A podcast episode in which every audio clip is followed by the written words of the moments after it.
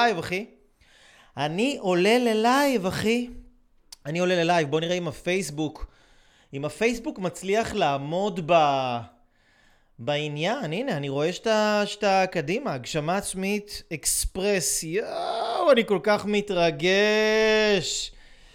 אקספרס, פרס, פרס, וואו, היום אתם הולכים ללמוד דברים שזה זה פיקוח נפש, זה כאילו, זה הדבר הכי חשוב שאתם יכולים ללמוד בחיים שלכם.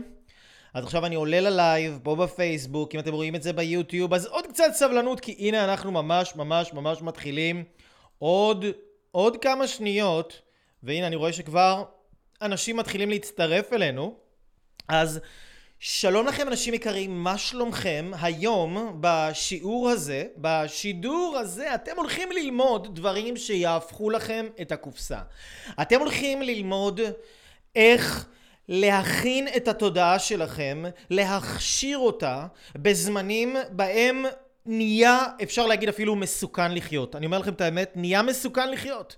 נהיה מסוכן לחיות, ואני אגיד לכם למה נהיה מסוכן לחיות, כי היום, היום אנשים, אנשים בכל מקום מפציצים בידע שבא מכל מיני כיוונים על כל מיני דברים. אנחנו לא באמת יודעים אם הידע הזה הוא האמת אם הוא לא האמת. מי הבן אדם הזה שאומר את הידע הזה? מה האינטרס שלו איך אנחנו יכולים לכוון את עצמנו להבין מה הידע שנכנס אלינו כי בסופו של דבר הידע שנכנס אלינו הוא משפיע על כל תא ותא בגוף שלנו יש היום מלחמה יש היום מלחמה על התודעה שלכם, אנשים יקרים, אתם רואים את זה? יש הרבה אנשים שאומרים לי, אייל, תקשיב, אני מרגיש שמשתלטים עליי, אני מרגיש שמנסים להשתלט עליי. וזה לא סתם הרגשה, מנסים להשתלט עליך, אבל לא בדיוק עם הצ'יפים ועם הדברים האלה. מנסים להשתלט עליך על ידי זה שישתלטו על הידע שיכניסו לך לראש, כי הבן אדם שישתלט על הידע שהוא יכניס לך לראש, הוא ישתלט עליך. אתם הולכים לקבל כאן כלים, אנשים יקרים. שזה לא הגשמה עצמית אפילו, זה לא ברמת מותרות, זה, בר, זה, זה, זה פיקוח נפש. בואו נגיד את זה, בואו נגיד את זה כפשוטו, זה פיקוח נפש. בואו נגיד לכם רק לפני זה, ערב טוב למי שנמצא איתנו כאן על הקו, הנה אני רואה שכבר אנשים מתחברים על הקו. בואו ניתן פתיח וניכנס לעניינים, יינה על רב רב.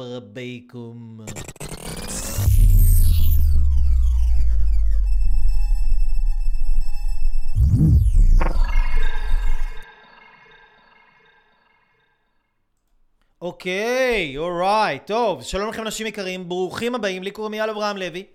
אני מלמד אתכם כלים על איך להגשים את עצמכם, איך לקחת את הידע שלכם, להפוך את זה לפעולה מעשית, איך להתעלות מעל עצמכם, להיות הכי גדולים שאתם יכולים, לפתח ערך עצמי, ביטחון עצמי גבוה. יצרתי פודקאסט מטורף, תוכנית ביוטיוב שאתם יכולים למצוא אותה, בית הספר להצלחה, בה אני מראיין אנשים מדהימים וחכמים, שיש להם כל כך הרבה מה לתת. ואני מקדיש באמת את רוב אם לא כל הזמן והאנרגיה שלי כדי לייצר חומרים לאנשים ולתת לאנשים תוכן שייתן להם כוח וייתן להם כלים להגשים את המטרות שלהם, להשיג את מה שהם רוצים להשיג. והיום אנשים יקרים לקבל את הכלים האלה ואת הידע הזה זה משהו ש... אין לזה תחליף, אין לזה תחליף ואתם תבינו למה. הכנתי לכם פה היום שיעור מרתק שיהפוך לכם, פשוט יהפוך לכם את הראש. אתם, אתם פשוט, אתם, יכול להיות, אתם תעופו איתי, אתם יכול תכעסו עליי, יכול שאתם תתעצבנו ממני, יכול להיות שאתם תאהבו אותי יותר, אני לא יודע איך אתם, לאן אתם תיקחו את הדברים, אבל אני רוצה ללמד אתכם ולתת לכם כלים איך להתמודד עם הדבר הכי חשוב שקורה היום, שזה מלחמה על התודעה שלכם. אוקיי?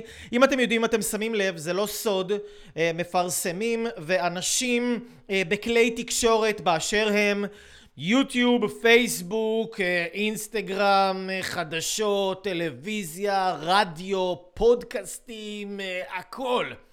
מעבירים לכם אינפורמציה בלי סוף. ופעם מי שהיה מדבר את האינפורמציה הזאת זה היה אנשים חכמים או אנשים בעלי סמכות או אנשים שהיו במעמד מסוים והיום אנחנו חיים בזמנים שכל בן אדם, כל בן אדם באשר הוא יכול להגיד את כל מה שעולה לו על הראש, להפיץ את זה על גלי המדיה. יש לזה דברים חיוביים כי כל אחד יכול להשמיע את הקול שלו.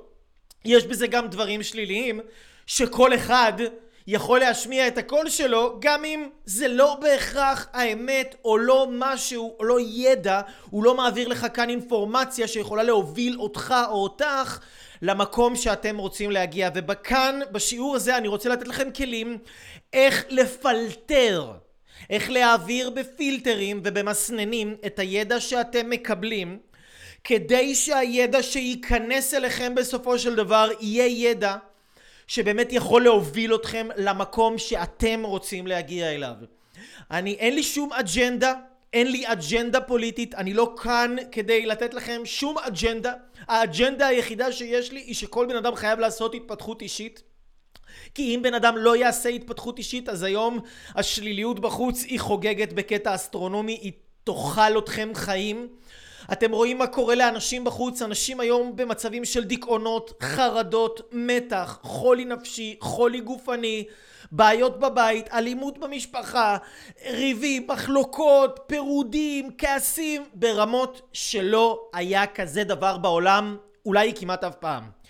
אולי כמעט אף פעם, אוקיי? אז אני רוצה לתת לכם כלים, בואו נראה רגע מי נמצא איתנו כאן על הקו. ערב טוב לכם, ערב טוב לגיל, ערב טוב ללירון, ערב טוב לאור, ערב טוב לחיים, ערב טוב לאבי, לאב אבי. אבי.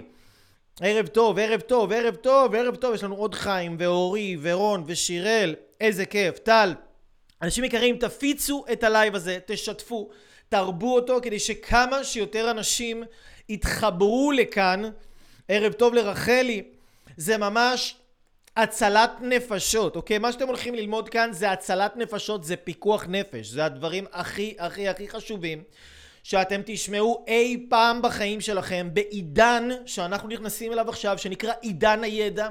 בעידן הידע אתם מופגזים בידע. יש מלחמה בחוץ, אנשים יקרים, יש מלחמה. ואתם יודעים על מה המלחמה הזאת? המלחמה הזאת על התודעה שלכם. אם אתם מרגישים שמנסים להשתלט עליכם או שמישהו ניסה להשתלט עליכם וואלה אתם צודקים. אנשים מנסים להשתלט עליכם ואיך הם ישתלטו עליכם ויגרמו לכם לעשות דברים מסוימים או לא לעשות דברים מסוימים זה יהיה לפי האינפורמציה שתיכנס לכם לראש או שאותם אנשים יכניסו לכם לראש או שאתם תאפשרו לאנשים האלה להכניס לכם את האינפורמציה הזאת לראש והאינפורמציה הזאת יכולה להרוס לכם כל סיכוי להגשים את עצמכם בטוח אני לא מדבר אפילו על דברים כאלה מטורפים כמו הגשמה עצמית, אני מדבר על דברים בסיסיים כמו רק להרגיש טוב, להיות אנרגטיים, להיות קצת יותר שמחים, להיות חיוביים, להיות בעשייה. היום אנשים בירידת מתח שלא היה ולא נברא כזה דבר. היום ירידת המתח זה כאילו וואו. כאילו ירידת מתח של הלייף, אין דברים כאלה. אין דברים כאלה. לא היו, לא היו ירידות מתח כאלה כאילו לא יודע ממתי, אוקיי? אז אני רוצה לתת לכם כאן כמה כלים. כמה כלים שיעזרו לכם להבין איך לפלטר את הידע הזה. כי יש מלחמה. יש מלחמה בחוץ, אוקיי? יש מלחמה, אם אתם תשימו לב, המפרסמים, החדשות, נותנים לכם כל כך הרבה פיסות של אינפורמציה שאתם אין לכם מושג בכלל. אם זה נכון או אם לא נכון או למי להקשיב או, או, או, או האם זו האמת? איך, איך, למה, למה להתייחס, למה לא להתייחס. אתם סך הכל אנשים טובים וכולם אנשים טובים, כולם רוצים להפיץ רק את הדברים שהם מאמינים בהם ולפעמים הם נשמעים מאוד בטוחים, הם נשמעים שיש להם אולי מלא אוהדים, מלא לייקים, מלא זה, יש להם כוח, יש להם השפעה. אבל מי אמר שמה שהם אומרים זאת האמת, אז אני רוצה לתת לכם כלים.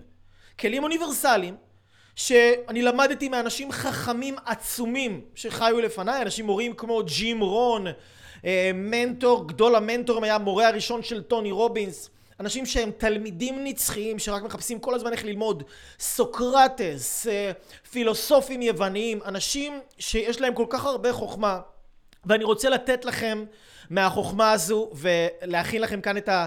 אה, אה, אה, להכין לכם את הקרקע בראש שלכם כדי שאתם לא תגיעו למקומות לא טובים בחיים שלכם. תראו, אני כל כך הרבה אנשים פונים אליי בזמן האחרון. יש לי תלמידים ששולחים לי הודעות בזמן האחרון, אייל, אני עומד להתגרש, אתה יכול אולי... זה לא תלמיד, זה מישהו שהיה... הוא היה אמור לבוא לסדנה, אבל הוא לא בא לסדנה. ואז הוא אומר לי, אייל, אני... כנראה הולך להתגרש, אולי תזרוק כמה מילים לאשתי, אז אני אומר לו, אחי, מה אני יכול להגיד לאשתך? אני לא יודע, אני לא יודע מה קורה ביניכם, אני לא יודע מה קורה בבית, אתה, אבל מה שאני כן יודע זה שאתה יכולת לבוא ולהתפתח. אם אתה לא תבוא להתפתח, אם אתה לא תבוא לשמור על התודעה שלך מהזיהום הזה שיש, בזיהום התודעתי שיש בחוץ, לאן אתה חושב שאתה יכול להגיע? אתה חושב שיכולה להיות לך זוגיות טובה? אין מצב. עכשיו תבינו, זה לא שבגלל שהוא לא בא לקורס שלי או לסדנה שלי, זה לא מעניין. זה כי הוא לא מתפתח. הוא לא משקיע בעצמו. הוא לא בסביבה שמזרימה לו ידע ואינפורמציה חיובית באינפוזיה היום. כי איפה שלא תלכו אתם תראו אנשים מדברים רע.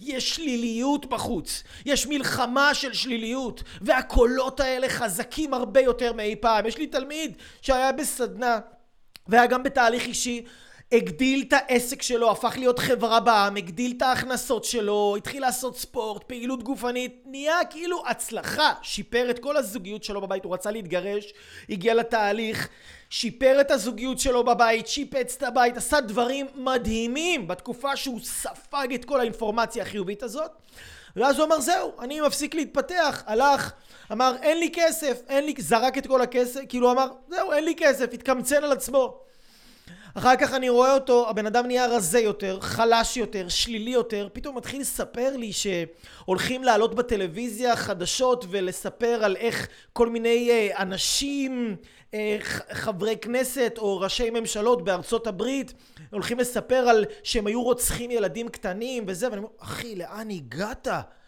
מה קורה לך בראש המעוות שלך? אני יודע שאתה בן אדם טוב. מאיפה הזבל הזה? אם יוצא ממך זבל, זה כי הכנסת אליך זבל. אחי, אתה לא פח. למה אתה עושה את זה לעצמך? למה אתה מכניס לעצמך את הזבל הזה לתוך המוח שלך? למה אתה רואה את עצמך כפח? כל העבודה שהבן אדם הזה עשה במשך איזה חצי שנה ויותר, בום, ירדה לפח. כל מה שהוא עשה ירד לפח. היה בן אדם אחר, גם כן היה בסדנה, אוקיי, עכשיו תבינו, כל הדברים האלה, אני מקבל אותם כזה בשבועיים, שלושה האחרונים. בן אדם אחר גם היה בסדנה, חווה פריצת דרך מטורפת בחיים שלו, עזב את הסדנה, לא רצה להמשיך מתוך קמצנות, ואני ראיתי כל הזמן שצריך לעבוד על האנרגיה שלו, אמרתי, תקשיב, תעבוד על האנרגיה, אחי, אתה חייב להשקיע באנרגיה שלך, אתה חייב לחזק את הגוף שלך, אתה חייב להפסיק עם כל האלכוהול, עם כל הדברים האלה, עם כל הדברים הנוראים שאתה שומע, אתה חייב להפסיק עם, ה... עם הרעלים האלה. לא הפסיק. קיצור, מה קרה בסוף? בום. שולח לי הודעה, אייל, יש לי גידול באף, גידול סרטני. אני אומר לו, וואו, אחי, מה זה? איך הגעת לזה? אה, הייתי בתקופה שהכנסתי לעצמי חרא לגוף. כל הכסף שהוא היה אמור להוציא בסדנה, הוציא את זה על חרא שהוא הכניס לגוף שלו. יש כל כך הרבה סיפורים כאלה. הקטע שאני שומע את הסיפורים האלה הרבה יותר מדי, הרבה יותר מדי בתקופה האחרונה, ואמרתי, אין, אני חייב. אני חייב לעשות עם זה משהו. אז אנשים יקרים, אם אתם עדיין לא עושים התפתחות אישית, תהליך של התפתחות אישית, אם אתם לא משקיעים בעצמכם, לא חייבים אצלי. אצל מנטור, מנטורית, מורה, מורה, מישהו, משהו שמייעץ לכם, שמוביל אתכם, שמדריך אתכם, שמכניס לכם סרטונים טובים, חומרים טובים. אם אתם לא עושים את זה, אז בבקשה תתחילו לעשות את זה. כי אם לא, השליליות בחוץ תיקח אתכם לאבדון. פעם, לעשות התפתחות אישית, זה היה עניין של מותרות, רק אולי אנשים עשירים, או רק אולי אנשים שיכלו כזה לעשות, אה, לא יודע מה, להרשות לעצמם את זה. אחר כך הבנו, אוקיי, התפתחות אישית, מוצר צריכה בסיסי. נכון? זה היה כאילו משהו. איזה כיף, איזה מגניב. זה גם נשמע טוב, מוצר צריכה בסיסי. היום אני אומר לכם, אנשים יקרים, התפתחות אישית זה פיקוח נפש. זה ברמה של פיקוח נפש. מי שלא יעשה התפתחות אישית, הוא יפרק לעצמו את הצורה. יפרק לעצמו את הצורה. זה לא חייב להיות אצלי, עוד פעם, אבל בואו נתחיל עם השיעור הזה ואתם תבינו ככה עוד יותר טוב, עוד יותר טוב למה אני מתכוון. אוקיי, שימו לב. אז תראו, אמרנו שיש היום מלחמה. יש היום מלחמה בחוץ והמלחמה הזאת היא על המוח שלכם. כל העולם רוצה את המוח שלכם. אנשים רוצים להכניס לכם אינפורמציה, ואתם אנשים טובים, אתם אוהבים אנשים, אתם סומכים על אנשים, אתם מאמינים לכל מה שאומרים לכם. אתם לוקחים את זה כי אתם אומרים, טוב, אני רואה את זה בטלוויזיה, אני רואה את זה בעיתונות, אני רואה את זה פה, אני רואה את זה שם. הבן אדם הזה נשמע חכם, הבן אדם הזה, אני רואה אותו בטלוויזיה כבר 20 שנה, אז כנראה שמה שהוא אומר זאת האמת. ואז אתם לוקחים את הדברים האלה ומקטלגים אותם בקטגוריה של אמת, ואז אתם מכניסים אותם לתוך המערכת שלכם, וזה מה שנקרא כמו סוס טרויאני. לא יודע אם שמעתם פעם את המונח סוס טרויאני, אבל סוס טרויאני זה היה פעם בטרויה. הביאו מתנה לטרויה, טרויה הייתה מוקפת חומות ורצו לפרוץ את החומות האלה, מה הם עשו? אמרו טוב בוא נביא להם מתנה לטרויאנים, הביאו להם סוס ענק, מתנה, הכניסו את הסוס, והטרויאנים אמרו וואו איזה מתנה יפה, הכניסו לי את הסוס וזה, הכניסו את הסוס לתוך, לתוך טרויה ואז מתוך הסוס יצאו מלא מלא מלא חיילים של צבא נגדי שרצה להילחם בטרויה, פירקו את טרויה, שברו לה את הצורה, איפה טרויה ואיפה נעליים. וכשאתם רואים מישהו בחדשות, בטלוויזיה, בעיתונים, בלא יודע איפה, שאתם אומרים, טוב, כנראה הוא יודע על מה הוא מדבר, ואז אתם לוקחים את הדברים שהוא אומר, אתם מקטלגים את זה כאמת. אוקיי? הוא דוחף לכם את האג'נדה שלו, או היא דוחפת לכם את האג'נדה שלה, ואז אתם מבינים, רגע, זאת האמת, ואז אתם חיים על פי האמת הזאת, ואתם חושבים, זה הקטע, אתם חושבים שאתם חושבים לבד. אתם חושבים שחשבתם את כל הדברים האלה לבד, אבל אתם לא חשבתם אותם לבד, מישהו החדיר לכם את זה למוח בדחפור, זה בכלל לא המחשבות שלכם. אז אני רוצה לעזור לכם היום עם זה ולתת לכם כלים מעשיים על איך להבין איזה דברים לקטלג כאמת, איזה דברים לאפשר לעצמכם להכניס למוח שלכם, ואיזה דברים לדחות אותם, ולא לאפשר להם להיכנס למוח שלכם, כי זה יכול להשמיד לכם את המוח, ולהשמיד לכם את החיים, ולהשמיד לכם את המצב הנפשי, ולהשמיד לכם את הזוגיות, ולהשמיד לכם את הבריאות, ואת שמחת החיים, ולגמור אתכם כמו שגמרו את רויה. אני לא הייתי רוצה שזה יקרה לכם, אני בטוח שגם אתם לא הייתם רוצים. שזה יקרה לכם. אז אנשים יקרים, אם אתם עדיין לא שיתפתם, אם אתם עדיין לא שיתפתם את הלייב הזה, שתפו אותו. שתפו אותו עכשיו, שתפו אותו, אל תהיו קמצנים. שתפו, אנשים חייבים, אני יודע שאם היינו עכשיו הולכים, אם הייתי הולך מכות נגיד עכשיו עם מישהו בשידור, אז כאילו היו משתפים את זה כמו, כמו אני לא יודע מה. אם הייתי מלכלך על מישהו, יוצא על מישהו, היו משתפים את זה כמו אני לא יודע מה. אבל לא צריך לעשות את השיט הזה. אני רוצה שתשתפו את זה, כי זה דברים שיכולים ממש להציל חיים של אנשים, אני לא צוחק, להציל חיים של אנשים. שנייה אחת, אני סוגר פה איזה משהו שמצפצף ואני בא. שתפו את זה בינתיים, שתפו גם אני משתף את זה בדף שלי.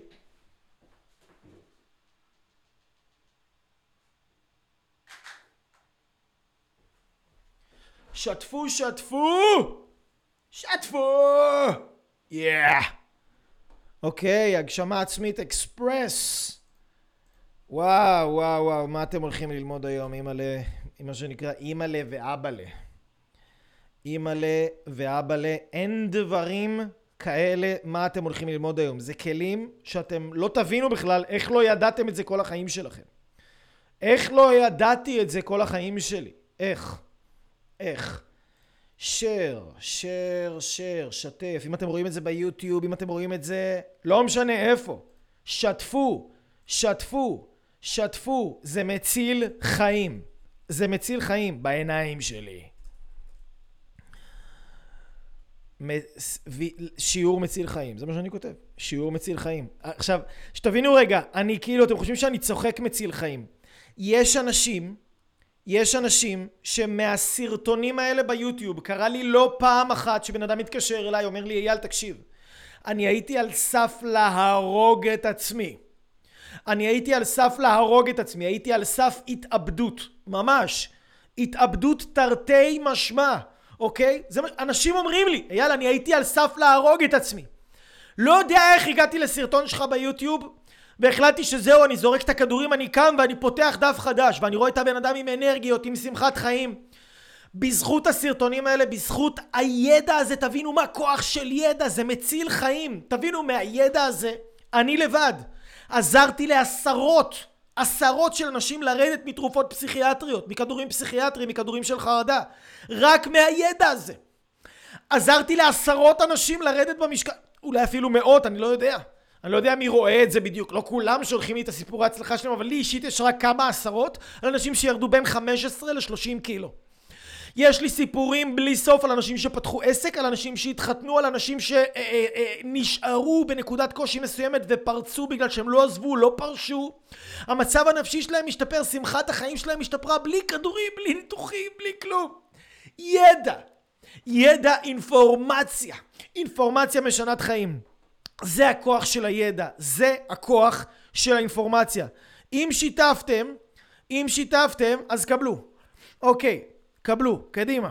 יאללה, בואו נתחיל. בואו נצא לדרך. בואו נצא לדרך. אז תראו, אני רוצה ללמד אתכם איך לאמוד את איכות ומהימנות הידע שמגיע אליכם בעידן בו ידע מופגז לעברך מכל פינה. היום ידע מופגז. מופגז לעברכם מכל פינה. מופגז! פעם מלחמות, תבינו, פעם מלחמות זה היה עם טילים ומטוסים וכלי נשק ואנשים היו נפגעים מהמלחמות האלה. היום המלחמות הן עם ידע. יש מלחמות שהן עם תוכן. מדינה ששונאת את המדינה השנייה, היום הם לא נלחמים עם טנקים ונשקים וטילים. הם מוציאים עליהם סרטונים. הם מוציאים עליהם סרטוני הסברה שמסבירים כמה הם חארות לדעתם. היום המלחמה היא עם תוכן. ויש פצועים במלחמה הזאת, יש גם הרוגים במלחמה הזאת. יש אנשים שהם אשכרה הרוגים מהמלחמה הזאת של התוכן, אוקיי? ממש. אבל ממש. אז אני רוצה ללמד אתכם איך לאמוד את איכות ומהימנות הידע שמגיע אליכם בעידן בו ידע מופגז לעברכם מכל פינה ובכל רגע. עכשיו אני רוצה שאתם תהיו איתי, אל תכעסו עליי, אני הולך לת... לקחת מקרה בוחן ממשהו שהוא קורה עכשיו במדינה. משהו שהוא קורה עכשיו במדינה, אני הולך להביא מקרה בוחן, אין לי אג'נדה. לא אכפת לי מה תעשו.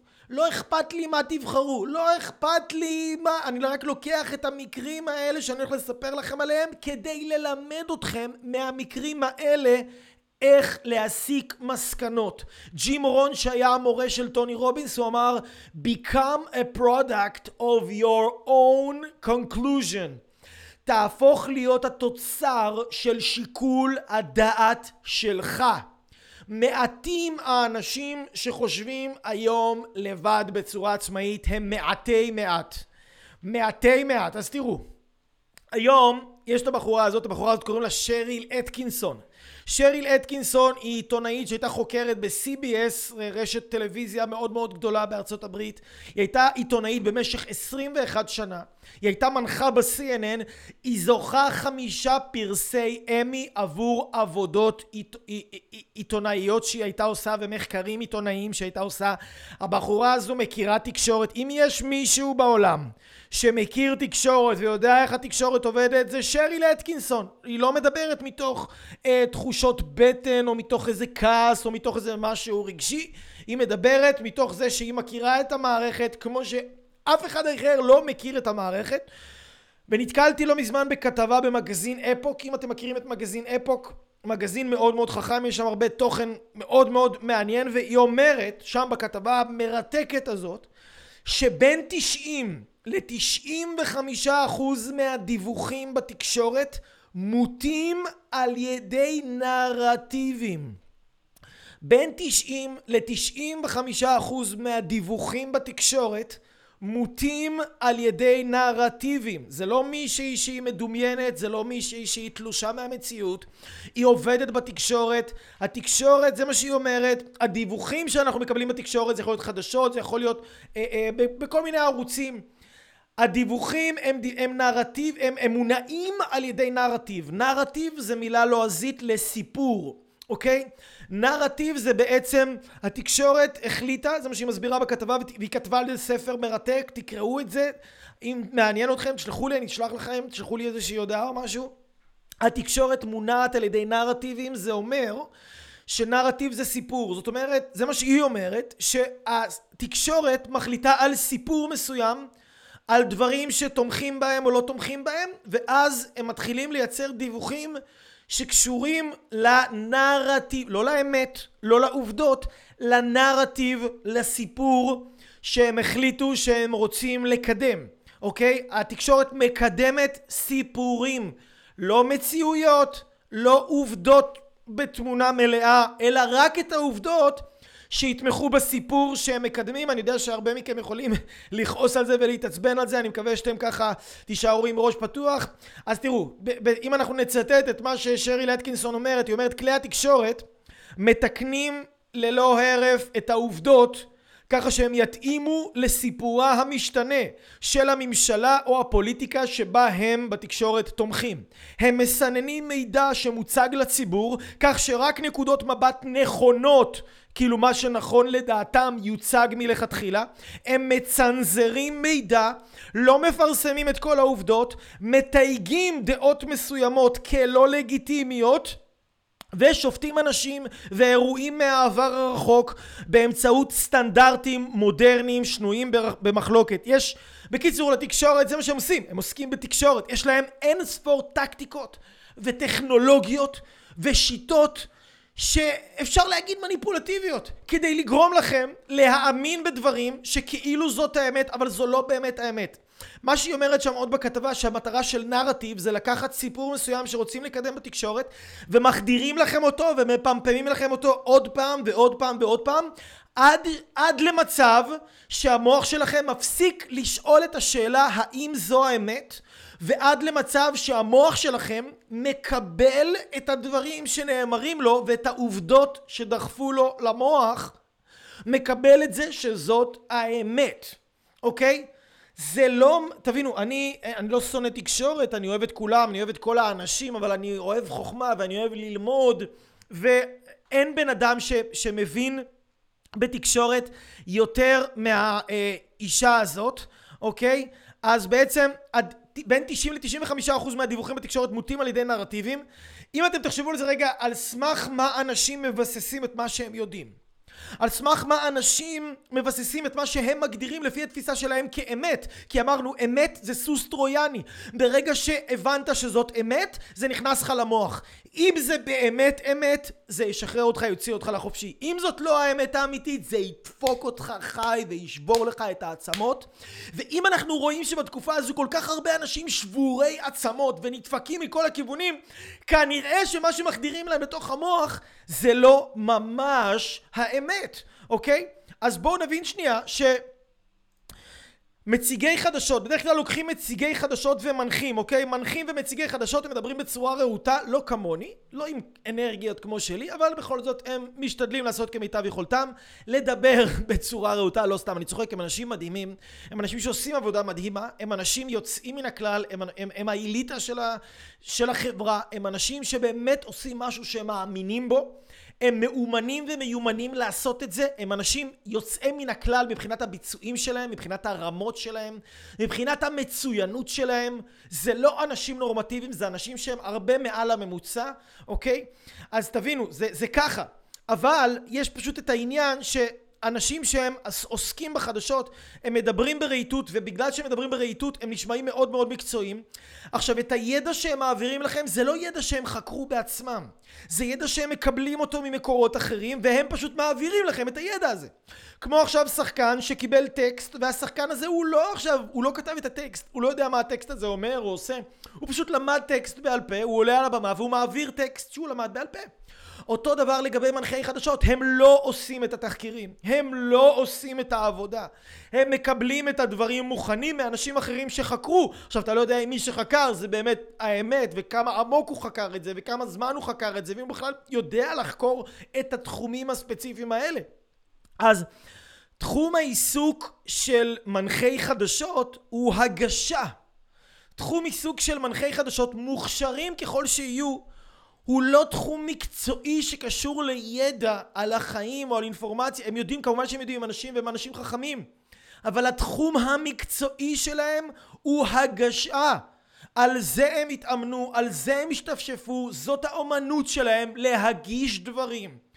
לא להבין את האמיתות של הדברים, הם יודעים להציג את זה, זה, ה, זה הערך שלהם, זה החלק שלהם במערכת, הם יודעים להציג דברים ואז בעצם הם מקבלים אינפורמציה מאנשים אחרים שיכול להיות שעשו בדיקה או שטחית או מקיפה אבל בכל אופן הם מקבלים מידע שמונע על ידי נרטיב. אם עכשיו חברת חדשות הולכת לשלוח מחקר זה לא שהם חוקרים את זה כדי להבין מה האמת הם כבר יוצאים, הם, הם מונעים על ידי נרטיב, הם מונעים על ידי סיפור, הם בוחרים מה הם רוצים לחקור, מה, איזה מסקנות כבר מראש, הם יודעים לאיזה מסקנות הם רוצים להגיע והם חוקרים ידע ואנשים ומציגים לכם בטלוויזיה ידע ואנשים מסננים את העובדות מביאים לכם שבבי מידע שאתם חושבים שזה 100% אבל אתם מקבלים 2-3% וזה מציגים לכם את הידע הזה כאילו זאת האמת המוחלטת. אבל זה בעצם רק פיסות של מידע שמונעות מלכתחילה מכוונה לייצר סיפור שאני כבר יודע מה אני רוצה לספר. אני רק מוצא אנשים שיצדיקו את הסיפור שלי אוקיי? זה לא מדובר פה על עובדות ולא מדובר פה על אמת מדובר פה על הצדקה של סיפור מסוים אוקיי אז זה, זה מאוד מאוד חשוב להבין את זה, אוקיי? מאוד מאוד חשוב להבין את זה, ואיך זה עובד? איך העולם עובד, אוקיי? אז ידע שמגיע מכלי תקשורת, בין אם זה חדשות, בין אם זה עיתונים, בין אם זה טלוויזיה, זה ידע שהוא קודם כל מסונן, זה לא כל הידע, זה ידע מסונן, זה ידע חלקי, זה ידע שמונע על ידי אינטרס. אוקיי? מה זה אומר ידע שמונע על ידי אינטרס? על ידי אינטרס זה אומר שהידע הזה הוא ידע שמונע על ידי הרצון המוקדם שלי לספר סיפור מסוים שזה מה שהחלטתי שאני הולך לספר ועכשיו אני עושה תחקיר שיתמוך במה שהחלטתי שאני רוצה לספר אני לא עושה תחקיר שעכשיו הוא, הוא, הוא יציג את האמת במלוא אה, מערומיה אף אחד לא הולך להציג את האמת אני מציג את מה שאני רוצה לספר לכם ואני אאסוף את המידע הזה אז זה ידע שמוצג באופן כזה שיוביל אתכם אנשים יקרים לחשוב שאתם הגעתם למסקנות האלה לבד. זה בדיוק הקטע כי היום אנשים ניזונים רק מידע שיוצא מהתקשורת. אנשים היום ניזונים כל הקורונה וכל הדברים, אנחנו תכף נדבר על הדברים האלה. אנשים ניזונים רק מידע שמוצג מכלי התקשורת. זה, כל, זה מקור הידע שלהם. והם מבססים את כל מה שהם יודעים על כלי התקשורת ויש להם אחוזים בודדים של ידע, הם בטוחים שיש להם את כל הידע שבעולם. אבל הם לא חקרו לבד, אוקיי? אז ידע המסקנה הבלתי נמנעת, לא משנה אם עכשיו, כאילו, אתם לא הפקתם את המסקנות האלה לגבי הידע שקיבלתם מכלי התקשורת. זה כלי התקשורת נתנו לכם ידע חלקי, ואז אתם שמעתם את זה ואמרתם, אה, אז אם זה מה שהוא אמר לי, אז כנראה שביבי ככה, או כנראה שהחיסונים ככה, או כנראה שהבן אדם ככה. זה נותן לכם את האשליה שאתם חושבים לבד. אבל אתם לא חושבים לבד. וצריך להבין את זה, זה הסוס הטרויאני. אתם לא חושבים לבד, אוקיי? עוד פעם אני אגיד את זה, זה מאוד מאוד חשוב להבין את זה, אנשים יקרים. לא משנה כמה אתם חכמים, כשאתם ניזונים, ואני בטוח שאתם חכמים, אם לא הייתם חכמים ולא היה לכם ידע וכלים גם להבין את הדברים שאני מדבר עליהם עכשיו בחיים, לא הייתם יכולים להבין את זה. אבל אני רוצה לקחת אתכם עוד יותר להעמיק את החוכמה הזאת ולהעמיק את התובנות האלה ולתת לכם את זה עוד שלב אחד קדימה. אתם לא חושבים לבד. אתם תוצר לוואי של חשיבה של אנשים אחרים שלרוב הונעו על ידי נרטיב, על ידי סיפור, על ידי אינטרס לקדם משהו, למכור לכם משהו, להכניס לכם משהו, לגרום לכם לחשוב על משהו בצורה מסוימת ובגלל זה קיבלתם את האינפורמציה הזאת, אוקיי? אז תראו, המסקנה היא שידע מכלי התקשורת לא יכול להיות מהימן. כאילו, ידע שקיבלתם מכלי התקשורת הוא לא יכול להיות האמת, כי הוא חלקי, הוא מסונן, הוא לא כל הידע. ואם זה לא כל הידע, איך אתם יכולים לבסס עמדה על משהו שהוא חלקי? אוקיי? אתם אנשים חכמים, ואנשים חכמים לא, לא מבססים מידע על משהו שהוא חלקי. מבססים מידע על משהו שהוא שלם. אז אני רוצה להגיד לכם משהו שלכל ידע יש יעד. זה לא סתם משחק מילים. ידע אמור להוביל אתכם לנקודה מסוימת. ידע מוביל אתכם, כשאתם צורכים ידע מסוים, אתם אחר כך מגיעים מהידע הזה למסקנות מסוימות, למקום מסוים בחיים שלכם. וכמו למשל, אם אני רוצה להגיע ליעד של זוגיות טובה, אני צריך להכניס לעצמי ידע על זוגיות טובה. אם אני רוצה להגיע ליעד של בריאות טובה, אני הייתי רוצה להכניס לעצמי ידע אה, שקשור לבריאות טובה. אם אני הייתי רוצה להכניס לעצמי, כן, אה, אה, להגיע ליעד של להרוויח הרבה כסף, אני אכניס לעצמי ידע על איך להשיג הרבה כסף, אוקיי? והיום אתם תראו שהאנשים מגיעים ליעד של חרדות, של פחדים, של תסכולים, של לחצים, של כעסים, של אלימות, אלימות, רצח, תסכול ברמות הגבוהות ביותר, חוסר עשייה, חוסר רצון לחיות. זה היעד שהיום אנשים הגיעו. אז זה הידע שהם החדירו לעצמם. ומאיפה הם קיבלו את הידע הזה? לרוב, לרוב לצערנו מהתקשורת. לרוב לצערנו מהתקשורת.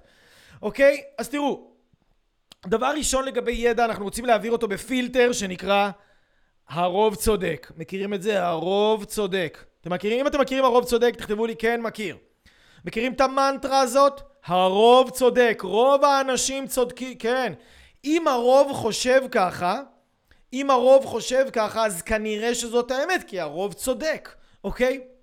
אבל למזלי בשלב מאוד מוקדם הבנתי שרוב האנשים הם נמצאים במצב נפשי לא טוב. רוב האנשים לצערנו הרב הם אנשים מדהימים, הם אנשים טובים, אבל הם מתגרשים. הם לא מצליחים בזוגיות שלהם. רוב האנשים שהם אנשים מדהימים, נשמות הכי טובות שיש, הם במצב כלכלי לא טוב. רוב האנשים אין להם כוח לעשות שום דבר עם עצמם. זה הרוב, הם תלויים בסמים, באלכוהול, בסיגריות, במשהו חיצוני שימלא אותם. הם, הם לא מרגישים משמעותיים בחיים שלהם. זה הרוב לצערנו, זה אנשים מדהימים, זה נשמות טהורות. אבל זה הרוב. אז איך אני יכול להגיד שהרוב צודק אם הרוב היא קבוצה שמורכבת מאנשים שהם במינוס בבנק, הם מתגרשים, המצב הבריאותי שלהם לא טוב, הם לוקחים או כדורים תרופתיים לגוף או לנפש או איזשהו משהו איך אני יכול להגיד שרוב, שהתוצאות של הרוב הם במקום מאוד לא טוב, איך אני יכול להגיד שהם צודקים? אני לא יכול, אוקיי? ואם אני אגיד שהרוב צודק, זה יהיה, זה יהיה ממש ממש ממש ממש בעייתי, כי, כי שוב, תבינו רגע את הדבר הבא, את הפילטר הבא שאנחנו רוצים להעביר דרכו את הידע. והפילטר הבא הוא אומר ששופטים עץ לפי הפרי שלו. אם אני רוצה לדעת אם העץ הזה טוב, לפי מה אני יכול לדעת אם העץ הזה הוא עץ טוב? אם אני רוצה לדעת. קיבלתי עץ מנגו לשתול בגינה, איך אני יכול לדעת? זה כבר עץ שהיה במקומות אחרים, שתלו אותו כבר, הוציאו אותו, הביאו אותו אליי. לשתול אותו בגינה שלי. איך אני יכול לדעת אם העץ הזה הוא עץ טוב? לפי מה? לפי הפרי שלו. אני לא יכול לדעת לפי העץ, אני יכול לדעת לפי הפרי שלו. מה זה הפרי של העץ? זה התוצאות של העץ. אם הפירות של העץ הזה טובים, גדולים, בשלים, טעימים, מתוקים, מזינים, מלאים בוויטמינים, במינרלים, בנוגדחים צון, אם הפירות של העץ הם כל כך טובים, כנראה וסביר להניח שהעץ הזה הוא עץ טוב. כי שופטים עץ לפי הפרי שלו. אוקיי? לא שופטים עץ לפי השם שלו, לא שופטים עץ לפי התעודות שלו, לא שופטים עץ לפי הסמכות שלו, לא שופטים עץ לפי התואר שלו, לא שופטים אותו לפי איפה הוא הגיע, שופטים אותו לפי הפרי שלו. אותו דבר גם מקורות של חוכמה, לא שופטים אותם לפי אם זה אם זה בעל התארים המפואר ביותר, או אם זה זה שלמד הכי הרבה שנים, או אם זה שיש לו אהדת קהל, הכי הרבה לייקים, הכי הרבה אנשים עוקבים אחריו, יש לו את הדף עם הכי הרבה עוקבים, או זה שיכולת הדיבור שלו הכי רהוטה, כן? זה לא מדד, זה דברים שהם חשובים, אבל זה לא מדד. זה לא המדד לדעת אם הבן אדם הוא דובר אמת או לא, הוא דובר, אני אוהב לשמוע אותו מדבר, אבל איך אני יודע אם הדברים האלה הם אמת? כי אם אני אכניס אותם לגוף שלי ואני אבין שזאת אמת, וואו. וואו, זה יכול או לעשות לי טוב או לפגוע בי, אוקיי? אז הסמכות להבין בתחום הוא זה שמייצר את הכי הרבה תוצאות בתחום, אוקיי? איך אני יכול לדעת מי מבין בכסף? זה שיש לו הרבה כסף. כאילו זה הכי פשוט בעולם. איך אני יכול לדעת מי מבין בזוגיות? זה שיש לו זוגיות טובה, הוא יכול להחזיק, הוא מחזיק אותה הרבה זמן, הוא גדל בה, הוא מטפח אותה. איך אני יכול לדעת מי מבין בבריאות? זה שמרפא הרבה אנשים, והוא בריא, והוא חזק.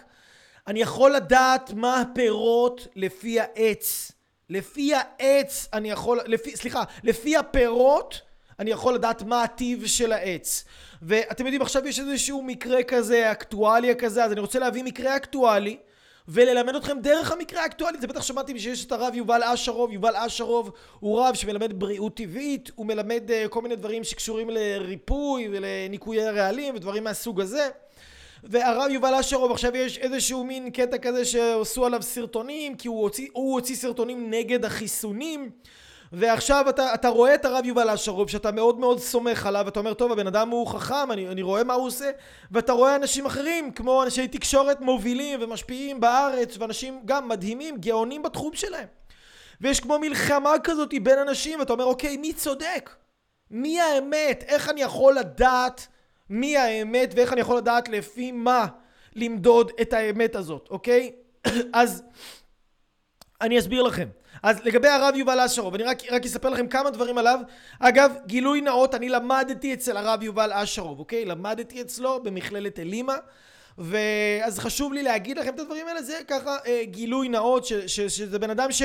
אגב, אני הולך להזכיר אותו ולתת כמה דוגמאות עליו וללמוד בעזרתו את החומר שאנחנו מדברים עליו עכשיו. אז אני פשוט גם מכיר אותו באופן שהוא אה, לא אישי, לא היו לי איתו ממש שיחות אה, אישיות, אבל אני מכיר את הלימוד שלו, אני מכיר את הדרך שהוא מעביר את הדברים, אני מכיר אה, מה הלימוד הזה עשה לאנשים אחרים, זאת אומרת אני מכיר את הפירות, אוקיי? אני מכיר את הפירות ממקור ראשון, לא משמועה, לא ממישהו ששמע ממישהו, כי אם אתם מעבירים את הפילטר של הידע, אם אתם מקבלים איזושהי פיסה של אינפורמציה, תמיד יהיה עדיף לכם לשמוע את זה ממקור ראשון. תמיד עדיף, ולא רק ממישהו ששמע ממישהו. לא את כל האינפורמציה אנחנו יכולים לשמוע ממקור ראשון, תכף אני אסביר לכם איך למדוד את האינפורמציה הזאת שהיא לא ממקור ראשון, אבל אינפורמציה שהיא ממקור ראשון היא תמיד הרבה יותר אה, מהימנה, תלוי גם, גם תלוי כל מקרה לגופו, תכף אתם תבינו את כל הדברים. אז הרב יובל אשרוב, הוא למד אה, במכללה בארצות הברית דיקור ורפואה סינית, הוא היה מדקר בכיר במכללת אה, מדיסין, הוא היה תלמיד של יצחק בן אורי, שהיה תלמיד של הרברט שלטון המרפא הטבעוני, אחד הגדולים שחיו בהיסטוריה.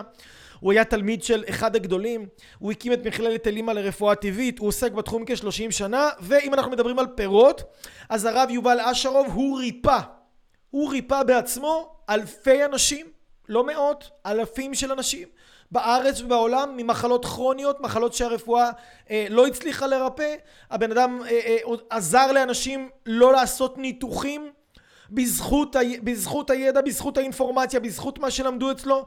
וזה מדובר על uh, מעל ל-30 שנה או כ-30 שנה של עיסוק בתחום, רק בתחום הזה, זה לא שהרב יובל אשרוב הוא מתעסק בבריאות והוא עכשיו גם, uh, לא יודע מה, uh, מוסכניק בשעות הבוקר או, ואחר כך הוא, לא יודע, הוא צלם בחתונות, הוא מתעסק רק בזה, זה החיים של הבן אדם, זה המומחיות שלו וזה לא רק לפי מה שהוא למד ולא לפי התואר, הרב וזה, הרב יובל אשרוב הוא, הוא, הוא יותר מרפא מאשר רב, הוא לא רופא, הוא מרפא. רופא זה שם עצם, מרפא זה בן אדם שאשכרה מרפא אנשים וגרם להם אה, להרגיש יותר טוב ולהפסיק עם כדורים בין אם זה פסיכיאטרים בין אם זה תרופות לחץ דם סכרת בן אדם ריפא לגמרי לגמרי אלפים של אנשים. כמה אנשים אתם מכירים שריפאו אלפים של אנשים? שוב, אין לי כאן אג'נדה לדחוף לכם, תבינו שנייה. אין לי כאן אג'נדה, אתם תאמינו, אני, אני מראה לכם ורק רוצה להסביר לכם לפי מה אני מודד את הידע שאני שומע. אוקיי? אני, אני, אני רוצה להסביר לכם את כל המקורות מהם אני שואב את האינפורמציה כדי להפיק את המסקנות של עצמי. כי אני רוצה להיות תוצר לוואי של החשיבה העצמאית שלי. כי בסופו של דבר אם יקרה לי משהו לחיים בזכות, בגלל או בזכות ההחלטות שלי, אני לא יכול לבוא בטענות לאף אחד. אני החלטתי את זה. אז אני רוצה לדעת לעשות החלטות טובות, ואני בטוח שגם אתם, אחרת לא הייתם כאן, אז אני רוצה לדעת לעשות החלטות טובות. וכדי שאני אעשה החלטות טובות אני צריך להבין האינפורמציה הזאת שמגיעה אליי כמה היא נכונה, האם היא שלמה, האם היא מלאה, מאיפה היא מגיעה, מה הטיב, מה האיכות של האינפורמציה הזאת. כמו שאתם הולכים לסופר ואתם בוחרים את העגבנייה הכי טובה או את התפוח הכי בשל, אותו דבר היום כשהולכים לשמוע ידע בעידן בו יש הפגזות ידע אינסופיות, בן אדם צריך לבדוק את הידע שהוא מקבל, אם הוא טרי הידע הזה, הוא לא טרי, זה אורגני, זה לא אורגני, מי גידל את זה, זה בריא, זה לא בריא, זה יעשה לי ככה, מה זה יעשה לי? כמה זה איכותי, זה מהונדס גנטית או לא מהונדס גנטית, כן? אותו דבר כמו שאתם בודקים עגבניות, מלפפונים, תפוחי עץ, אתם חייבים לדעת איך לבדוק את הידע שנכנס לכם לראש, כי זה יהיה החיים שלכם. אתם אשכרה החיים והמוות ביד הידע שייכנס לכם לראש. מה שאתם תיתנו שייכנס לכם לראש זה רק, רק בתודעה שלכם. עכשיו, אם אתם עדיין לא שיתפתם, אם אתם עדיין לא שיתפתם, אין לי מושג למה אתם מחכים, כי אנשים חייבים. חייבים לדעת את הדבר הזה. אוקיי? אנשים חייבים לדעת את הדבר הזה. אז בבקשה תפיצו, תפיצו, תפיצו, אנחנו רוצים ללמד. אני לא עכשיו, אני לא רוצה לצדד באף אחד, אני לא תופס עמדה, אני לא תופס כלום. אני רק רוצה להציג דברים מציאותיים, שזה פיסות מידע שבואו נשפוט אותם ביחד. אוקיי? אז שופטים עץ לפי הפרי של העץ, אוקיי? עכשיו דבר שני, בן אדם, אם, אם אני מקבל אינפורמציה, בן אדם שהוא מצליח בתחום אחד הוא לא בהכרח מבין בכל התחומים. יש קטע כזה של אנשים שהם מפורסמים או של אנשים שהם הצליחו לעשות כסף, אנשים עשירים מאוד, שפתאום הם גם מבינים בזוגיות, למרות שאולי אין להם זוגיות טובה, פתאום מבינים בבריאות, פתאום מבינים בכל מיני דברים. אם מי שמבין בכסף, אז הוא מבין בכסף. מי שמבין בתקשורת, הוא מבין בתקשורת. מי שמבין בבריאות, הוא מבין בבריאות. מי שמבין בהגשמה עצמית, הוא מבין בהגשמה עצמית. כאילו צריך להבין, לא כל בן אדם מבין בכל הדברים. אז היום הולכים לשאול, נגיד, ניקח עוד דוגמה אקטואלית, הולכים לשאול את כל הרבנים האלה, לעשות חיסונים או לא לעשות חיסונים? להתחסן או לא להתחסן? רגע, זה בן אדם שהוא רופא, הוא ריפא, הוא מבין בזה. אתה שואל שאלה, מישהו שמבין בזה? או שאתה שואל שאלה בשביל שמישהו אחר ייקח את האחריות על ההחלטות שלך. אם אתה רוצה להתחסן הכל בסדר, אנחנו אוהבים אותך, אני אביא לך חיבוק, אתה, הכל טוב, אבל זה ההחלטה שלך, אל תשאל אף אחד, זה אומרים זה אמר כן, זה אמר ככה, הוא אמר ככה. אתה רוצה להבין משהו, תשאל מישהו שזה תחום ההתמחות שלו. לא בן אדם שעכשיו, כי כל בן אדם לפעמים בן אדם מצליח או עשיר או זה, עכשיו מתחיל אה, לדבר על כל הנושאים בעולם. יש אנשים באינסטגרם עשו מלא כסף, מתחילים לעשות סרטונים על זוגיות, אבל אין להם זוגיות. מה, אתה, מה אתם עושים סרטונים על זוגיות? מה אתם מבינים בזוגיות בכלל? מה אתם עושים סרטונים? ואנשים מקשיבים להם וזה, כי יש להם מלא עוקבים, ויש להם מלא... אבל אנשים, הם, הם, הם לא, לא יודעים איך לבדוק את הידע. זה אנשים טובים, זה נשמות טובות, אבל הם לא יודעים איך לבדוק את הידע שנכנס להם לתוך המוח, אוקיי? אז מי, שמצ... מי שמבין בתחום אחד, הוא לא בהכרח מבין בכל התחומים. הסמכות... הסמכות, ואולי אפשר להגיד הסמכות היחידה, הסמכות היחידה להבין בתחום הוא מי שמייצר את הכי הרבה תוצאות בתחום. זאת אומרת, אם אני רוצה עכשיו להרוויח כסף, את מי אני אשאל? מי שיודע לעשות הכי הרבה כסף. הוא מבין בזה. אם אני רוצה להבין לגבי בריאות, את מי אני אשאל? את הבן אדם שריפא הכי הרבה אנשים. אם אני רוצה להבין בזוגיות, מי אני אשאל? זה שיש לו את הזוגיות הכי טובה. נכון שקשה למדוד זוגיות טובה, אבל תאורטית זה מה שאני אשאל. אני אשאל את הבן אדם שיש לו את הזוגיות הכי טובה. זה מי שאני אשאל, אוקיי? אז אסור לכם לעשות את הטעות, וזה גם, זה משפט של ג'ים רון, אסור לכם לעשות את הטעות הנוראית ולחשוב שהוא, אה, הוא נשמע כל כך בטוח בעצמו, זו כנראה האמת, אוקיי? זה ג'ים רון אומר, הוא נשמע כל כך בטוח בעצמו, זו כנראה האמת. אני פה שוב, אין לי אג'נדה להחדיר לכם, אני רוצה לתת לכם כלים לאמוד את הידע שנכנס לכם לראש. אבל נגיד, מה זה אומר הוא נשמע כל כך בטוח? ג'ים רון אומר, תראו, אם מישהו אומר לך עכשיו אמת, אל תמדוד אותה על סולם של ביטחון עצמי. תמדוד את האמת שאתה שומע על סולם של אמת.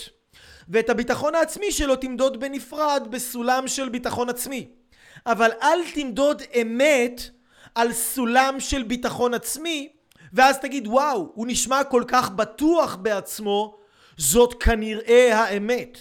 לא בהכרח. אוקיי, לא בהכרח. עכשיו למה אני אסביר לכם את זה? כי זה שוב עוד עניין אקטואלי לגמרי שקרה עכשיו. יש את העניין הזה של הבחור הזה גיא זוהר, אוקיי? גיא זוהר אז עכשיו הוא הוציא איזשהו סרטון שכאילו נגד הרב יובל שגיא זוהר הוא כאילו רוצה לפרק את כל הטיעונים של הרב יובל ולהראות כמה הרב יובל הוא כאילו נוכל וכמה הוא בן אדם מסוכן וכמה הוא... אז עכשיו יש נרטיב. יש עכשיו נרטיב בתקשורת שאומר אנחנו מחסלים את הרב יובל. אנחנו, זה נרטיב, ואתם תראו את זה, כי נרטיב בתקשורת זה בכל הערוצים, זה בכל החדשות, זה בכל כלי התקשורת. בן אדם מקבל את האינפורמציה הזאת, בטוח שהאמת, הוא לא מבין שהוא מונע על ידי נרטיב, הוא מונע, הוא מונע על ידי אנשים מסוימים. שיש להם עניין מסוים להוכיח משהו מסוים ידוע מראש שהם רצו להוכיח אותו.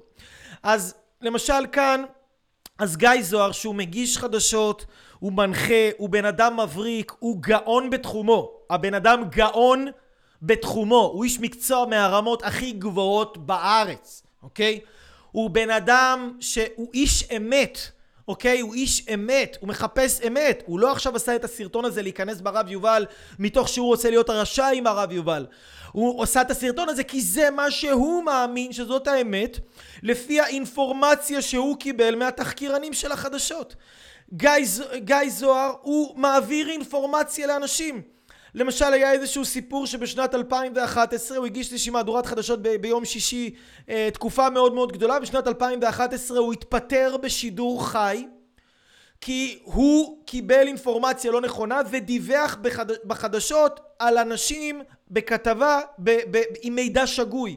הוא למעשה הפיץ מידע שגוי בכלי התקשורת הוא התפטר בשידור חי וזה סימן שהוא איש אמת כי הוא באמת מחפש אמת, הוא הבין שהוא עשה משהו לא טוב והוא התפטר מהתוכנית כי הוא לא יכל לסמוך כבר על האינפורמציה שנתנו לו שם מגישי החדשות האלה, האורחים והתחקירנים, והוא התפטר בשידור והוא עזב, והוא עזב את מהדורת החדשות הזאת והוא עבר לדברים אחרים. ועכשיו הוא בא והוא עשה את הסרטון הזה פה שבעצם מדבר על הרב יובל ועל הטיעונים הוא בעצם ממש לוקח את הסרטון של הרב יובל ומפרק אותו נקודה נקודה נקודה אבל גיא זוהר עם כל הכבוד הוא, אנחנו כבר ראינו בעבר שלו שהוא קיבל אינפורמציה שגויה והעביר אותה בחדשות כאילו הוא היה בטוח בזה במאה אחוז אז מה שונה מפה עכשיו? איך אני יכול להתייחס למה שהוא אומר כאמת כי זה לא משהו שהוא בדק, זה לא משהו שהוא חקר, ושוב הוא בן אדם מדהים. זה לא תחום המקצוע שלו, הוא לא רופא, הוא לא מרפא, הוא מתעסק בהנחיה, והוא גאון בתחום שלו, אבל זה התחום שלו. אז כאילו בן אדם שהוא מנחה חדשות, מה, מה לא ולבריאות.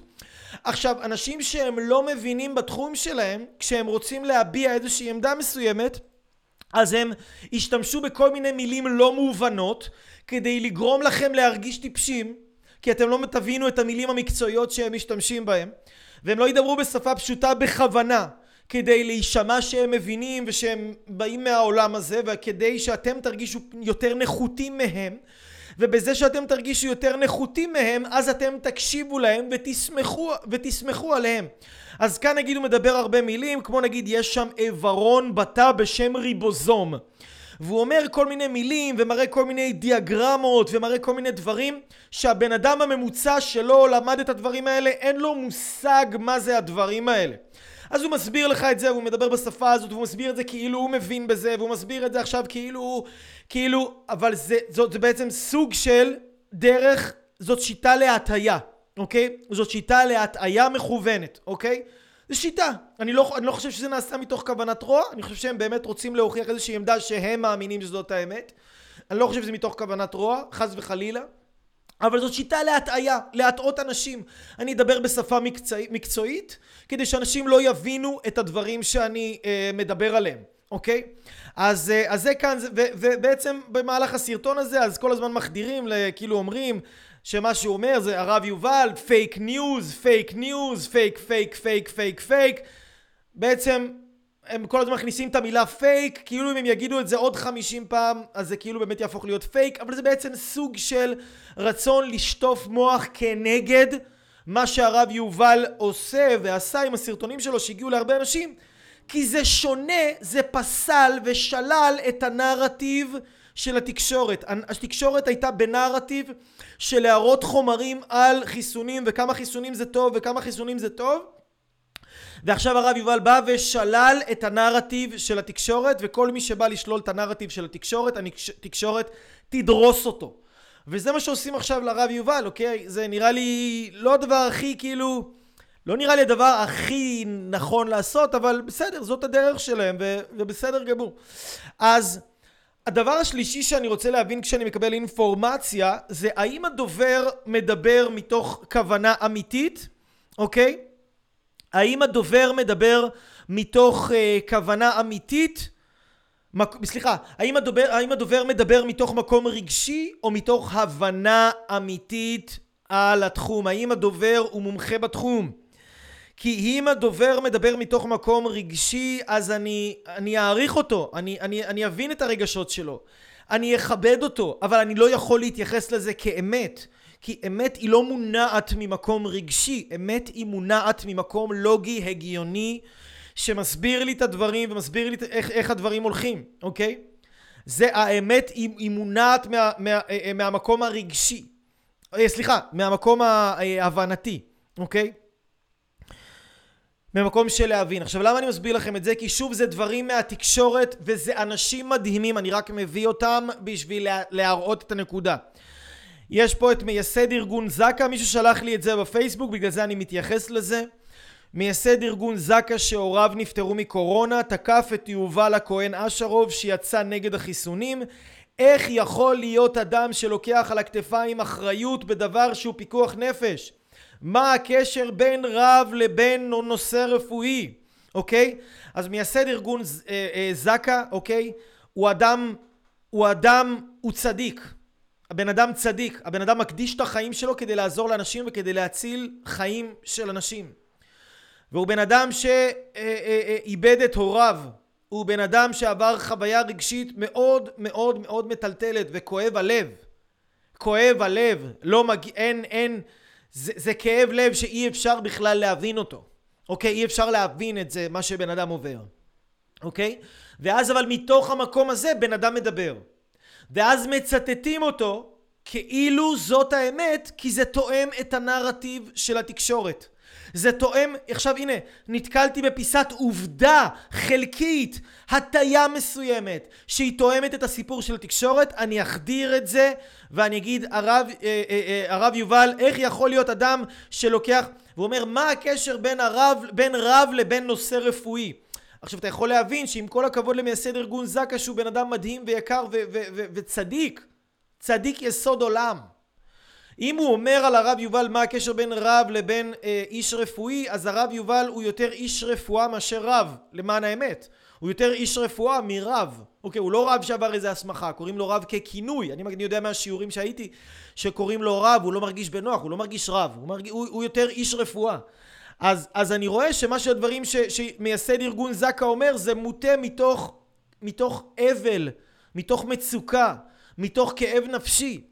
זה לא מוטה מתוך היכרות עם הרב יובל או הבנה בכלל של מה הרב יובל עושה. אז איך אני יכול להתייחס לזה כאמת עם כל כמה שמייסד ארגון, ליבי יוצא אליו. ליבי יוצא אליו, הוא בן אדם מדהים. הוא צדיק, מה שהוא עושה, מה שהוא עושה במדינת ישראל זה דברים שלא יתוארו. להציל כל כך הרבה נפשות וכל כך הרבה חיים של אנשים. אבל אני לא יכול לקחת כאילו עמדה של בן אדם שהוא צדיק ושהוא מדהים ואז לקחת איזושהי פיסה של מידע בגלל שהוא במצב רגשי מסוים ואז לחשוב שאוקיי בגלל שהוא בגלל שהוא במצב רגשי מסוים אז כנראה מה שהוא אומר זאת האמת אוקיי?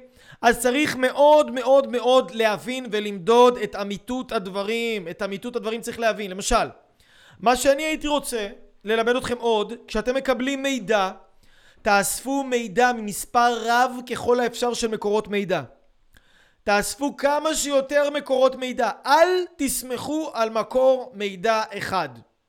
תאספו מידע מכמה שיותר מקורות.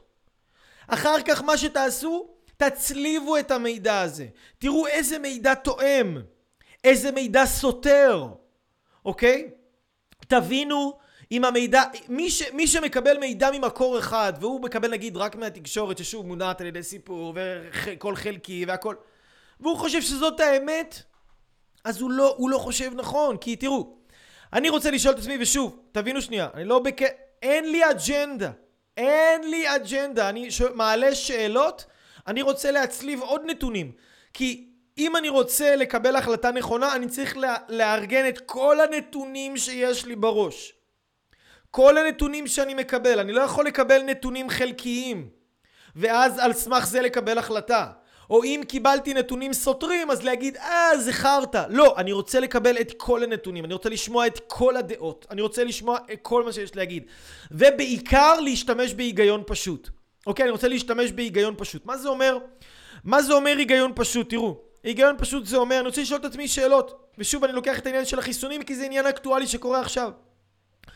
אם נגיד החיסונים האלה זה אחלה וזה טוב והכל טוב ויפה אוקיי? אם נגיד אם זה, אם זה טוב למה מנכ"ל פייזר ישראל התפטר כשיצא החיסון?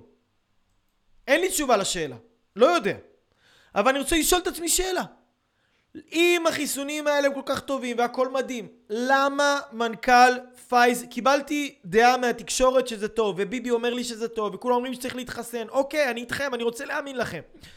אבל אני גם לא יכול להתעלם מעצם העובדה של למה מנכ"ל פייזר ישראל התפטר למה שמנכ"ל של חברה יתפטר? יש לו בערך את התפקיד הכי טוב בעולם. מנכ"ל, הוא עושה ים של כסף, כאילו, זה חברה, זה חברה מטורפת, כאילו, למה, למה, למה להתפטר? אני רוצה לשאול את עצמי את השאלה הזאת. אני רוצה לשאול את עצמי עוד שאלה. למה במקביל מנכ"ל פייזר העולמית, פייזר העולמית, למה המנכ"ל של פייזר העולמית מימש את המניות שלו ולקח את הכסף של המניות שלו? למה הוא לא המשיך להחזיק במניות של החברה שיש לו ממנה אחוזים? למה הוא מימש את הכסף הזה? לא יודע, אני רוצה לשאול את עצמי את השאלות האלה. שני מנכ"לים שעשו איזשהו צעד מאוד תמוה ומוזר שאין לו הסבר בנקודת זמן מאוד מוזרה, אני רוצה להבין למה, אוקיי? למה? אני רוצה לשאול את השאלות האלה. למה באיטליה, אוקיי? למה באיטליה שהיו כמעט 30 אלף מתים בחורף שעבר לא נותנים חיסונים בכמויות גבוהות כמו בישראל כנ"ל לשאר מדינות באירופה למה באירופה מחסנים רק איזה 1-2 אחוז מהאוכלוסייה, רק את הממש מבוגרים, ובארץ כבר, אני לא יודע כמה אנשים, 30, 40, 50 אחוז, אני לא יודע כמה מתחסנים כבר. אבל זה מספרים מטורפים, זה לא מספרים כמו בעולם. למה? האירופאים לא טיפשים. היה להם את ה... הם, הם איבדו הכי הרבה אנשים. האינטרס שלהם כביכול לכאורה הוא לחסן כמה שיותר אנשים. למה הם לא עשו את זה? אוקיי, אני לא יודע. אני לא יודע, אין לי, אין לי תשובות. אני רוצה לשאול את השאלות האלה. אני רוצה לשאול את השאלות האלה כי אני רוצה שכל האינפורמציה בראש תסתדר לי ותתיישב לי לפני שאני מקבל החלטה מסוימת, אוקיי? למה, אוקיי? למה יש חיסון, אם החיסון הזה הוא כל כך טוב והוא כל כך בטוח, כמו שביבי אומר לי, ואין נזקים, וכל הפרופסורים, וכל הזה עכשיו, וכולם יוצאים נגד הרב יובל, ומה פתאום, זה שטויות, וגיא זוהר, וכולם, וזה, למה יש חיסיון, חיסיון עולמי שאסור ויהיה אסור לתבוע את חברות התרופות האלה שייצרו את החיסונים באם ייגרם לך נזק ל-DNA שלך, לגוף שלך, למערכות שלך, באם ייגרם לך נזק עתידי בטווח הקצר או בטווח הארוך כתוצאה מהחיסון או בחשד לתוצאה מהחיסון, יהיה אסור לך, אתה לא יכול לתבוע את החברות האלה. למה? אם זה כל כך טוב, אתם כל כך מאמינים בזה, למה יהיה אסור לתבוע את החברות האלה אם זה כל כך בטוח, אוקיי? זה דברים תמוהים שאני רוצה לה, להבין אותם. אני לא, לא עז, אני לא פרה, אני לא סוס, אני רוצה להבין את זה, אוקיי? עכשיו, משהו, ש, משהו לי, לי, לי, לי ברמה האישית. יש לי שכן, שהוא היה בסביבות גיל 60 אה, פלוס, שכן שגר במושב איתי, והבן אדם עשה חיסון ראשון, עשה חיסון שני, כמה ימים אחרי החיסון השני הוא נפטר. למה? למה הוא נפטר אחרי החיסון השני? כאילו, מה, זה צירוף מקרים? יכול להיות. אבל כאילו זה מעלה לי גם את המחשבה, רגע, אם בן אדם אחד נפטר מהסביבה הקרובה שלי, אני זה לא כל העולם, בטוח שיש עוד אנשים שיכולים לחוות דבר כזה או דבר דומה, אוקיי? למה? למה? אני רוצה לשאול את עצמי עוד שאלה. למה אנשים, למה אנשים שיש להם אה, אה, אה, מחלת רקע מסוימת ונפטרו מהקורונה או עם הקורונה, אז סיבת המוות שלהם היא קורונה. אבל אם נגיד בן אדם היה לו איזושהי מחלה והוא קיבל חיסון ומת, אז סיבת המוות שלו היא לא החיסון. סיבת המוות שלו היא המחלה. למה כאן סיבת המוות היא הקורונה תמיד, גם כשיש מחלה, וכאן סיבת המוות היא המחלה, גם כשהיה חיסון רק כמה ימים לפני זה. אז זה שאלות שאני שואל את עצמי ואין לי עליהן תשובות. אין לי, אני לא הולך, לא הולך. אני שואל את השאלות האלה, אוקיי? שואל את השאלות האלה. ואם זה מעניין אתכם, תעשו, תעשו את החקירות, תעשו את החקירות שלכם בעצמכם, אם זה משהו שמעניין אתכם, אוקיי? אז אני רוצה לעבור איתכם לנקודה הבאה. האם מי שמעביר לי את המידע האם מי שמעביר לי את המידע, האם יש לו אינטרס אישי כזה או אחר? האם המידע שהוא מעביר לי יעזור לו לקדם משהו מהאינטרסים שלו? כי מה שהרבה פעמים עושים זה מציגים משהו שהוא חשוב לגורמים מסוימים, אבל הם מציגים את זה בצורה שזה כאילו חשוב לך, וזה כאילו טוב לך, אוקיי? אז תראו האם מי שמעביר לי את המידע הוא בעל אינטרס אישי כזה או אחר? בואו ניקח דוגמה, לא דוגמה של החיסונים, דוגמה אחרת. בואו ניקח את הדוגמה של החלב. למשל, החלב, אוקיי? מי זה שאומר לי את הדברים האלה, ומה האינטרס שלו לומר לי את הדברים האלה, אוקיי? תחשבו רגע על חלב, מאיפה אתם יודעים את מה שאתם יודעים על חלב? קראתם ספרים על חלב? קראתם ספרים על אה, בריאות ותזונה שקשורים למוצרי חלב או לדברים כאלה? סביר להניח שלא. אם אתם הרוב, סביר להניח שלא. את רוב המידע שקיבלתם על חלב, קיבלתם מפרסומות של מועצת החלב, אוקיי? עכשיו, אם אני קיבלתי מידע ממועצת החלב על זה שבחלב יש סידן וזה שחלב הוא כמו שיש פה, הנה. יש פה למשל טענות מסוימות, אני לא אומר אם הן נכונות או לא נכונות, אבל חלב הכי בריא, הכי בריא, חלב מזין מטבעו. שימו לב, עכשיו אם רוצים, לה, אם רוצים להגיד לכם משהו בשביל שאתם לא תתווכחו ולהגיד לכם סתמו את הפה, אני צודק, סתמו את הפה, אז יכתבו את הדברים הבאים. המדע שמאחורי ההשפעות התזונתיות של החלב. אני אגיד לכם, המדע אומר, ואז כשאני אגיד לכם המדע אומר, אתם תסתמו את הפה, כי אתם תגידו לעצמכם, רגע, אני, מי אני לעומת המדע, אוקיי? אז אם המדע אומר, מי אני? אז המדע אומר שהחלב הוא בריא, אוקיי, אבל מי מפרסם לי את הידיעה הזאת? מועצת החלב. האם מי שמעביר לי את המידע הזה יש לו אינטרס אישי? כנראה שכן. כי מועצת החלב רוצה להתקיים, ואיך היא תתקיים? מזה שהיא תמכור חלב, אוקיי? אז זה לא, לא צריך להיות פה גאון גדול. לא צריך להיות פה גאון גדול, אוקיי? ניכנס נגיד, הנה לדוגמה, האתר של מועצת החלב. חלב ישראלי זה חוסן לאומי. אתה יכול לראות את זה, תגיד אוקיי, חלב ישראלי זה חוסן לאומי, נשמע משפט uh, חזק, נשמע משפט מרשים, אבל מי אומר לי את המשפט הזה? מועצת החלב שיש להם אינטרס אישי אוקיי? יש להם אינטרס אישי לגבי העניין של החלב, אוקיי? אוקיי? עכשיו, הנה, בואו ניקח דוגמה, בואו ניקח רגע דוגמה של עניין החיסונים. עכשיו תבינו, אין לי דעה פוליטית.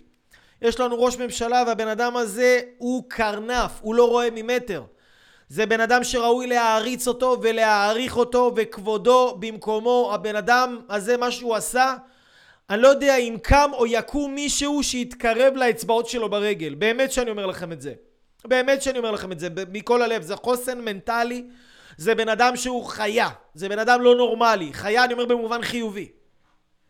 אבל עכשיו אנחנו שומעים את ביבי אומר כל הזמן, תתחסנו, תתחסנו, תתחסנו, תתחסנו, רוצים לתת כסף שתתחסנו, אבל שנייה, למה? האם, האם מי שאומר לי את זה יש לו אינטרס אישי? האם מי שמעביר לי את המידע הזה יש לו אינטרס אישי? אוקיי? אנחנו יודעים שיש עוד מעט משפט פלילי.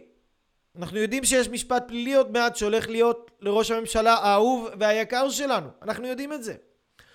ואנחנו יודעים שיש גם עוד מעט בחירות, אוקיי? האם יש אינטרס אישי? יכול להיות שכן. ואם נגיד אני אהיה הראשון בעולם שחיסן את כל ישראל ואני חיסנתי את כולם, האם זה יעזור לי בבחירות? סביר להניח שכן. האם זה יעזור לי אה, במשפט והמדינה תראה לי יותר אהבה בתקופה הזאת? סביר להניח שכן, אוקיי? אז האם מה שאומרים לי הוא על בסיס אינטרס אישי, גם אם זה בן אדם שאני אוהב אותו ואני סומך עליו ואני רואה בו ענק, אוקיי? אגב, גם נתקלתי, אני לא יודע אם אתם שמתם לב, אם אתם ראיתם את הדבר הזה, אבל הייתה פה איזושהי מודעה שהיא גם הייתה בפרסומים, אה, אה, אה, בשלטי חוצות, בעיתונים, מודעה של פורום אנשי העסקים בישראל מצ... מצדיע לבנימין נתניהו, אוקיי? פורום אנשי העסקים בישראל מצדיע לבנימין נתניהו ויש פה כזה כמו מין מכתב אישי כזה מר בנימין נתניהו הנכבד תודה רבה לך על כל המאמצים שאתה עושה בשבילנו והכל אני לא אקרא לכם עכשיו את הכל. ואז אני ראיתי את זה על אחד משלטי החוצות והאמת שממש התרגשתי. אמרתי כאילו וואו וואו כאילו אנשים הם, הם, הם ממש אה, זה מדהים. כאילו איזה כיף שאנשי עסקים עשו כזה דבר לביבי. כאילו זה דבר מרגש ואז אחר כך, כי, כי קיבלתי מידע כזה, מידע, ראיתי את זה בעיתונים, ראיתי את זה, חשבתי אולי כנראה זאת האמת, לא הייתי עוד כל כך מבין את הדברים כמו שאני עכשיו מבין אותם, ולמדתי אותם בתקופה האחרונה. אז חשבתי שזה האמת. ואז קראתי על זה, קיבלתי איזושהי פיסה של מידע שבעצם ראו וחקרו אנשים שבדקו את הדבר הזה וגילו ש... רגע, זה לא. אוקיי, וגילו שפורום אנשי העסקים זה דבר שלא קיים. אין פורום אנשי עסקים בישראל, אוקיי? המודעה הזאת, מודעת ההוקרה הזאת של ביבי, זה היה אה, אה, אה, בינואר, בתחילת ינואר. בתחילת ינואר השנה. והתברר שלפני, אה, ש, שכמה, ששבועיים לפני שהפרסום הזה יצא, איש ממשרד משרד פרסום מסוים קנה כתובת אינטרנט שקוראים לה ביזנס פורום ורכש את, הפרס... ורכש את האתר אינטרנט הזה ובעצם זאת בעצם למעשה פרסומת. מה שאתם רואים כאן זה לא מכתב שפורום אנשי עסקים שלא קיים כתב לראש הממשלה היקר שלנו בנימין נתניהו זה מכתב שבנימין נתניהו ואנשי השיווק של בנימין נתניהו כתבו לבנימין נתניהו ובגלל שהם מבינים איך התקשורת עובדת ואיך שיטת ההטעיה של צורות החשיבה של אנשים עובדות אז הם עשו את זה בצורה הזאת כדי להטעות את האנשים ולגרום להם לחשוב שאנשי עסקים הם אוהבים את בנימין נתניהו וגם יש בחירות עוד מעט אז וגם היה את כל אנשי העסקים שנפגעו עכשיו מהתקופה של הקורונה אז לא רוצים שהם יכעסו על בנימין נתניהו אז כאילו פורום אנשי העסקים לצד ביבי נתניהו. וזה בעצם מונע על ידי אינטרס אתם מבינים? זה זה זה ככה המקום זה המצב שאנחנו שאנחנו חיים זה, זה מה שאנחנו חיים. כאילו אנחנו חיים במציאות כזאת. זה מציאות כזאת ש... ש... האינפורמציה שאנחנו מקבלים היא אינפורמציה חלקית. אז כדי שנבין אם הדבר הזה הוא אמת או לא אמת, אני רוצה לסמוך על עצמי, אני רוצה ללמוד את הדברים, אני רוצה בלי קשר לזה להיות כל הזמן בסביבה של אה, כלים, של חוכמה, סביבה שמרימה לי, סביבה שבונה אותי. אני כן הייתי רוצה להזמין אתכם, אוקיי? וזה האינטרס שלי, אני אומר לכם את זה מתוך אינטרס, שאני רוצה שאתם תבואו לכנס שלי, שאני עושה עוד מעט, אני עושה עוד מעט כנס של התפתחות אישית, עשרת הדיברות להגשמה עצמית אקספרס, עשרה כללים, שכל בן אדם שידע את הכללים האלה יחווה שינויים מטורפים בחיים שלו, ביטחון עצמי וידע מטורף, אנשים אנשים עושים מזה שיורדים מכדורים פסיכיאטריים, בונים ביטחון עצמי, ערך עצמי, מרוויחים יותר כסף, הרבה יותר שמחים, הזוגיות שלהם משתפרת, יורדים במשקל, משנים את התזונה שלהם, מצב רגשי הרבה יותר טוב, וכן הלאה וכן הלאה. אז יש לי אינטרס, והאינטרס הוא שתבואו גם לכנס הזה. ואני רוצה להגיד לכם שזה אינטרס שלי, כי אני מקווה שזה גם אינטרס שלכם לחיות חיים מלאים, עם ערך עצמי גבוה וביטחון עצמי גבוה. ואם אתם עוקבים אחריי, אז אני בטוח שזה האינטרס שלכם. לחיות חיים מלאים בערך עצמי וביטחון עצמי גבוה ומימוש והצלחה וסיפוק.